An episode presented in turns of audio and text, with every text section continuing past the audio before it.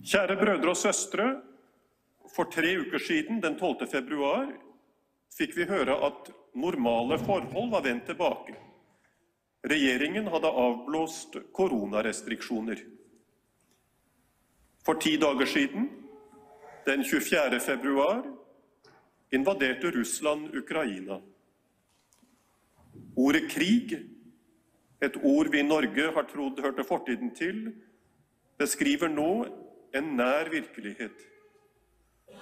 Russland er vår nabo. Sterke bånd forener oss med Ukraina.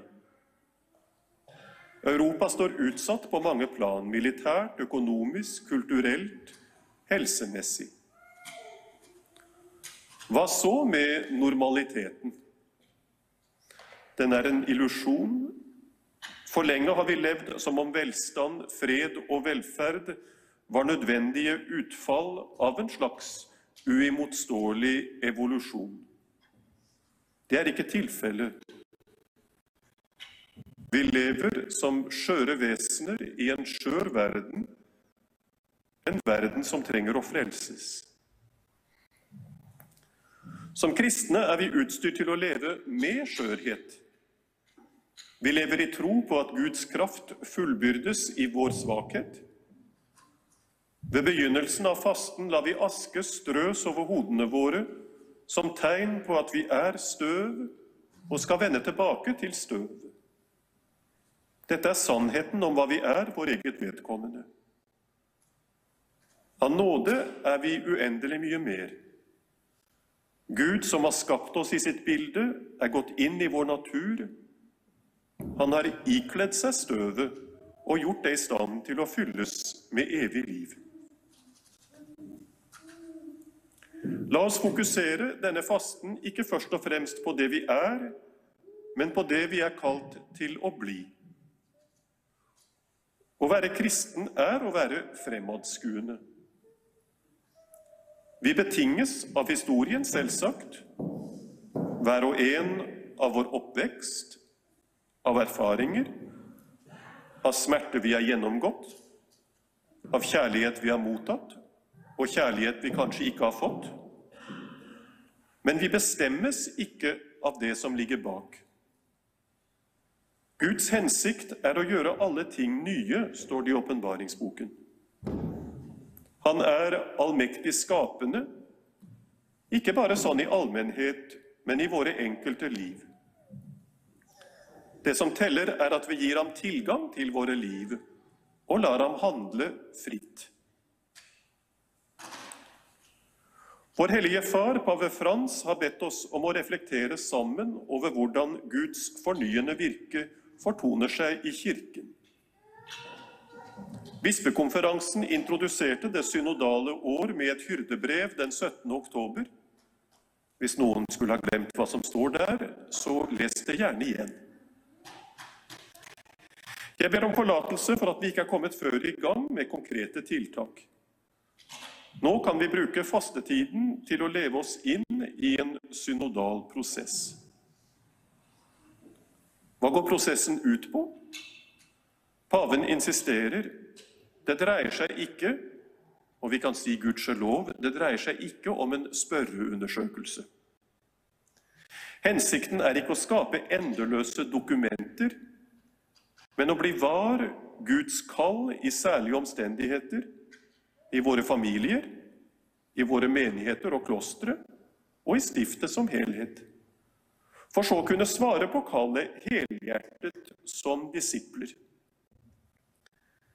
Vi er innbudt, som det sto i bispekonferansens brev, til å fordype vår tro, styrke vårt håp, gjøre vår kjærlighet virksom.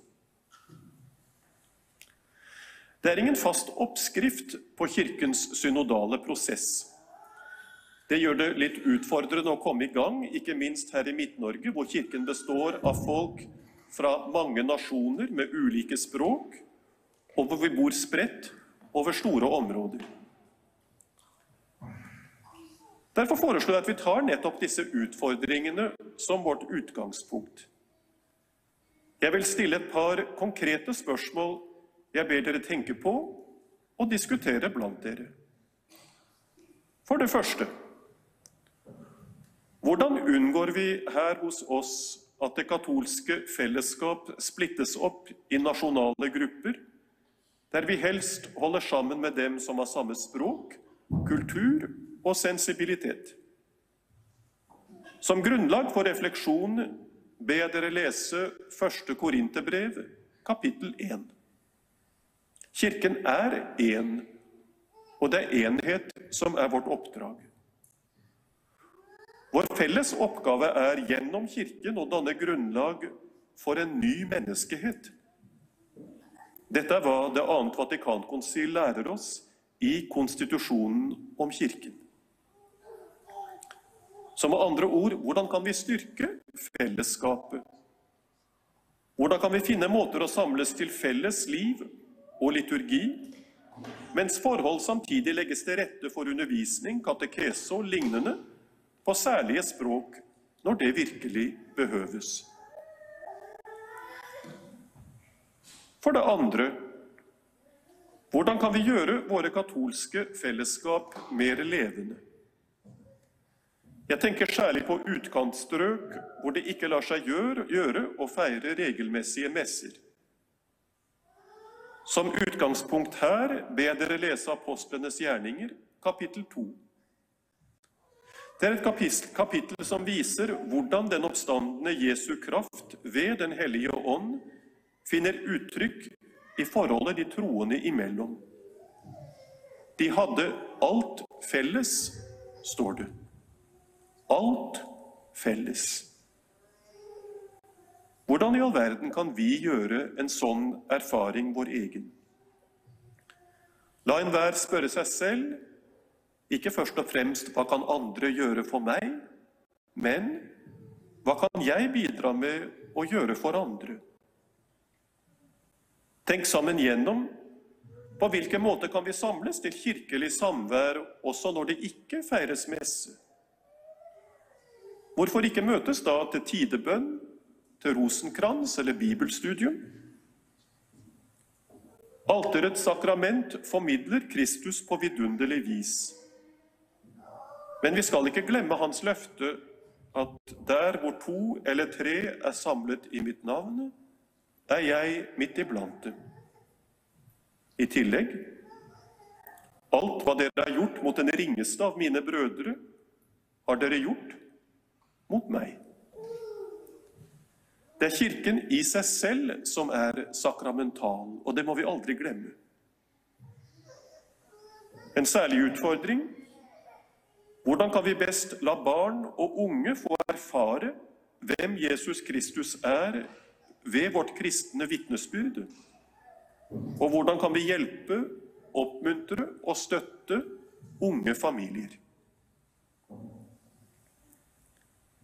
Jeg innbyr alle prester og menighetsråd til å vurdere hvordan spørsmålene best kan bearbeides i de forskjellige sognene. Jeg viser også til de andre punktene i biskopenes brev fra i høst, samt til dem dere finner på synodens nettside. Jeg vil visitere sognene i løpet av påsketiden. Da får vi anledning til å dele tanker, vurderinger og håp. Selv legger jeg regelmessig ut refleksjoner på min egen nettside, som dere er hjertelig velkommen til å besøke hvis dere vil. Dere finner den på coramfratribus.com. Brødre og søstre, vi lever i en dramatisk tid. En tid som er preget av splittelse, angst og aggresjon. La oss da vise at vi virkelig er kristne, og derved kjenner en annen vei. Ja, at vi kjenner Ham som er veien, som gav sitt liv for at vi skal få liv i fylde. Jeg ønsker dere alle en velsignet og nåderik fastetid i Jesu navn. Amen.